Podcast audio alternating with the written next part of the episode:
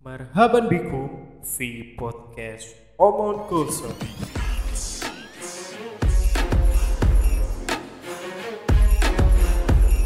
Halo, assalamualaikum warahmatullahi wabarakatuh. Ya, setelah sekian lama eh, buat podcast di Omon Koson sudah lama sekali kayaknya untuk buat podcast monolog seperti ini. Iya, kenapa kemarin-kemarin jarang kali, jarang banget untuk buat podcast monolog karena apa ya? Eh, ya sebenarnya eh, aku sendiri lebih nyaman sih ketika harus bertukar pikiran atau mungkin eh, ngobrol gitu ya, tektokan sama orang. Jadi eh, apa masalah eh, yang ada itu tidak dilihat cuma dari sudut pandang dan ketika mungkin aku tidak bisa menemukan solusi barangkali eh, dari teman ngobrol itu kita bisa mengambil solusi entah itu yang tersirat dari eh, omongannya dia atau mungkin kita bisa membaca dari cara eh, teman kita itu berpikir seperti itu. Tapi it's okay karena ya kali-kali buat monolog seru kali ya. Iya, eh sebenarnya juga aku nggak tahu sih mau buat monolog atau obrolan semacam apa gitu. Tapi kalau misalnya akhir-akhir ini kita kan eh, bisa, misalnya bisa membaca keadaan gitu ya, bisa melihat apa sih sebenarnya yang lagi happening di Indonesia saat ini. Kita ngomongnya di Indonesia ya, karena iya mungkin yang dekat dengan kita. Kalau misalnya kita ngelihat eh, sekarang yang lagi happening itu kemarin-kemarin terkait dengan isu agama tentunya agama lagi agama lagi. Kemarin kan ada eh, kasus bukan kasus sih tapi ada ya masalah terkait dengan kepulangan eh, Habib Rizik Syihab salah satu eh, tokoh agama mungkin yang sangat-sangat disegani di Indonesia. Dan kemudian eh, timbul banyak pro kontra dengan eh, kepulangannya. Tapi eh, kalau misalnya aku lihat sebenarnya yang paling banyak menjadi sorotan di media selain tentunya eh, berkaitan dengan kemarin ya perayaan Maulid dan acara nikahan eh, anaknya beliau ada lagi kasus yang mungkin sedikit menarik ya terkait dengan eh, celotehan dari eh, Nikita Mirzani seorang public figure dan eh, seorang ustadz Ustadz Maher atau Alibi. Eh, di sana timbul perdebatan. Awalnya sih kalau misalnya yang aku baca dari media-media awalnya memang si public figure ini mengatakan bahwa si Habib itu adalah tukang obat. Itu yang aku baca ya. Habib itu adalah tukang obat entah itu sifatnya general gitu sifatnya general atau memang ditunjukkan untuk eh, si Habib Rizik ini. Eh, tapi nggak tahu ya. Dan kemudian eh, si Ustadz Maher ini menanggapi celetan tersebut dengan eh, mungkin apa ya kalau aku baca kata-kata yang sedikit kurang pantas gitu ya dengan kata-kata caci maki. Nah, mungkin kita di sini agak eh, agak ngerasa apa ya, agak ngerasa miris di satu sisi miris di satu sisi lain juga kita ngerasa bahwa kok begini gitu. Seorang eh, ya kok begininya dalam artian kita harus pro atau harus pada posisi yang mana kita membela Nikita Mirzani yang mungkin eh, kata-katanya juga provokatif eh, sedikit eh, mungkin menghina ulama mungkin berdasarkan pandangan beberapa orang begitu Eh, apakah kita harus membela dia atau membela Ustadz Maher? Sedangkan misalnya pun Nikita Mirzani itu salah si public figure ini salah tapi ya eh, seorang ustadz itu tidak tidak pantas gitu untuk mengucapkan kata-kata yang mungkin cenderung kasar. Ya bukan cuma eh, seorang ustadz ya tapi kita semua mungkin sebagai orang awam, juga tidak eh, tidak sepantasnya untuk mengucapkan hal-hal demikian. Dan akhirnya ya ya udah masalah ini kayaknya eh, sudah ditempuh akan ditempuh melalui jalur hukum mungkin. Dan ya masalahnya melebar ke mana-mana. Jadi eh, aku sendiri sebagai umat yang beragama umat beragama gitu ya. Umat beragama jadi agak kurang nyaman begitu ya. Jadi kenapa sih eh, umat Islam sekarang khususnya yang ada di Indonesia ini mudah sekali untuk diadu domba gitu. Kalau misalnya eh, kita ngomongin soal religiusitas kalau misalnya orang awam bilang eh, tentang keagamaan gitu pernah nggak sih eh, kita semua di sini berpikir kenapa kita dilahirkan dengan keadaan yang sudah beragama? Kenapa misalnya kita uh, kalau lahir gitu ya ya udah bebaskan nggak usah beragama dulu gitu nggak usah beragama dulu. Dan kemudian ketika mungkin sudah akil balik ketika posisinya dia sudah mengerti gitu itu baru dibebaskan untuk memilih agama apa. Pernah nggak kalian terlintas hal demikian? Ya misal uh, ketika kita dilahirkan oleh orang tua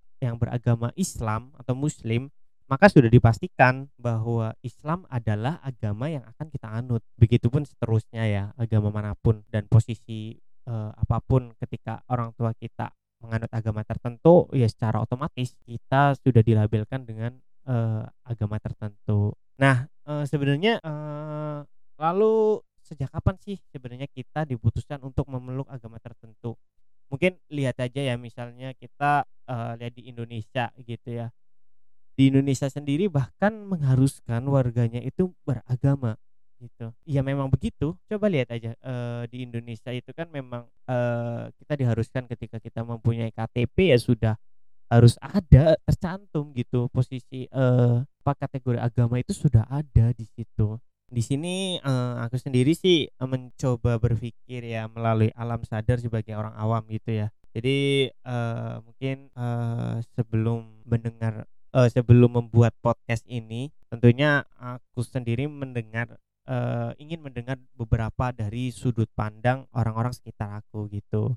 Nah, aku sempat tanya-tanya juga tuh sama teman-temanku gitu ya yang mungkin bisa dimintai uh, dari sudut pandang yang berbeda begitu. Nah, uh, lalu pertanyaan singkat muncul, kenapa kamu harus beragama? Ya, ketika pertanyaan itu uh, muncul, benar aja hampir sebagian besar jawabannya sama.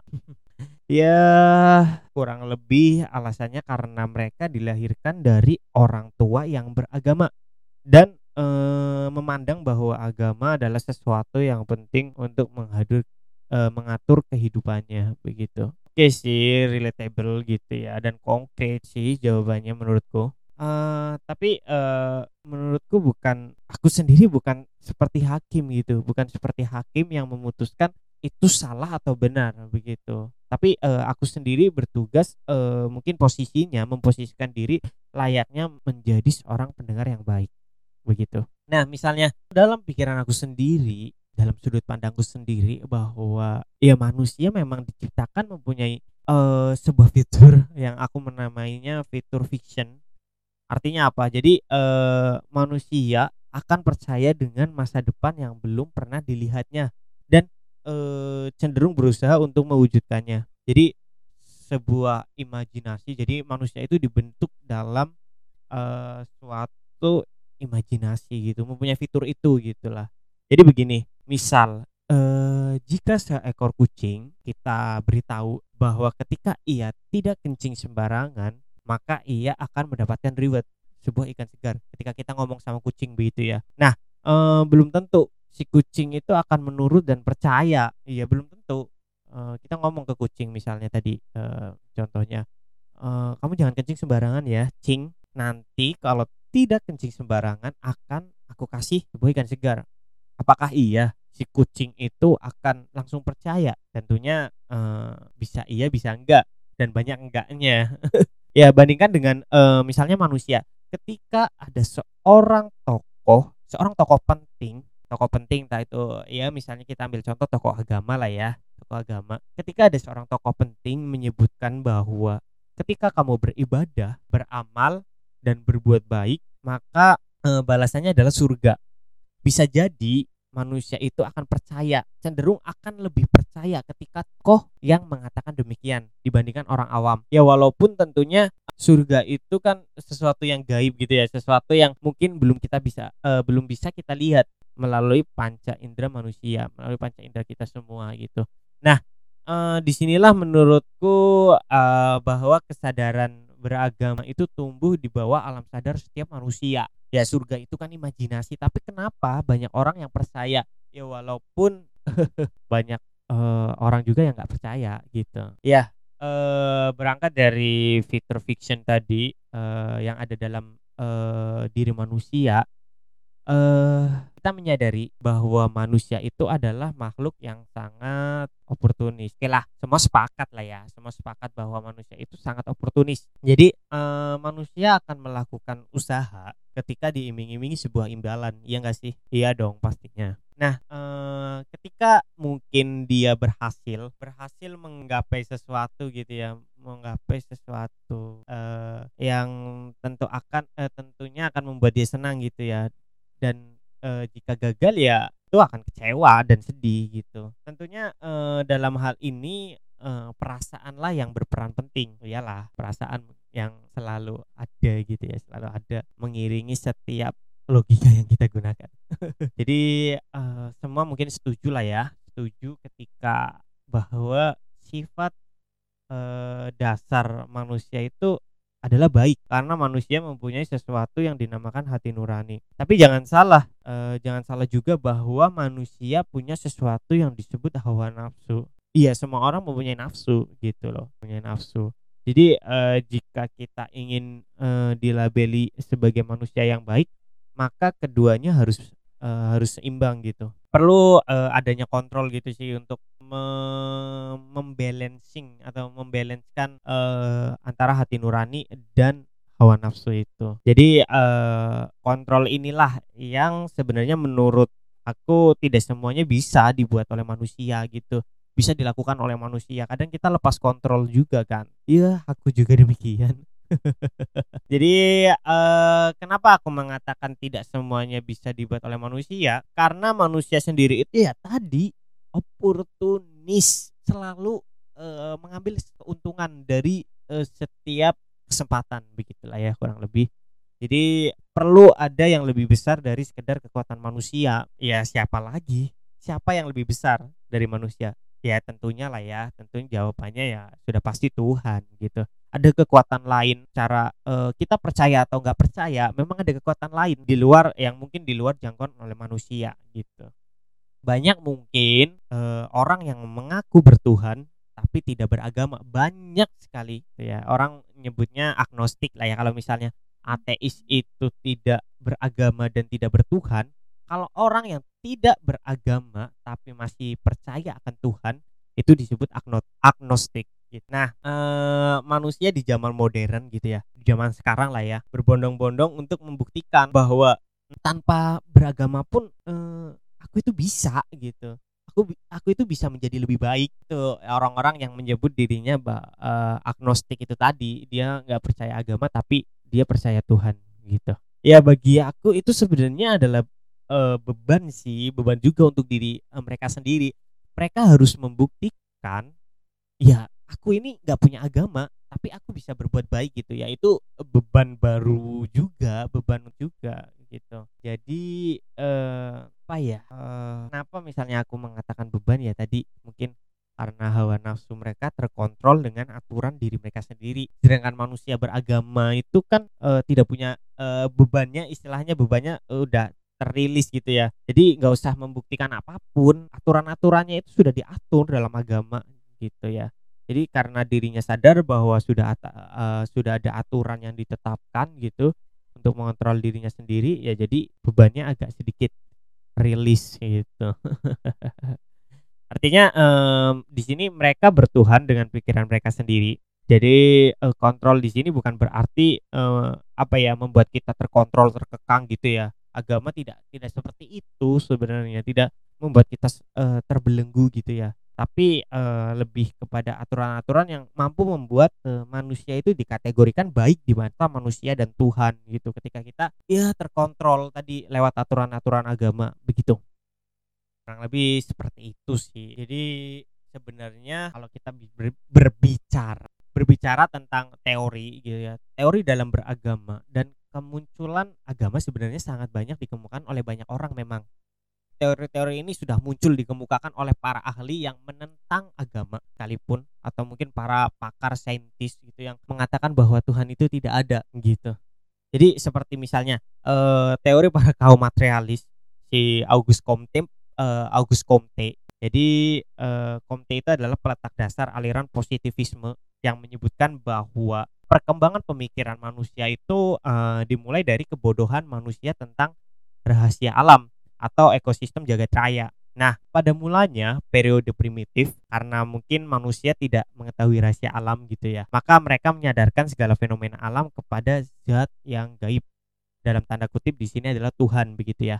Si Auguste Comte ini mengemukakan bahwa semakin berkembangnya teknologi dan pintarnya seorang seseorang gitu ya, maka ia akan jauh dari agama.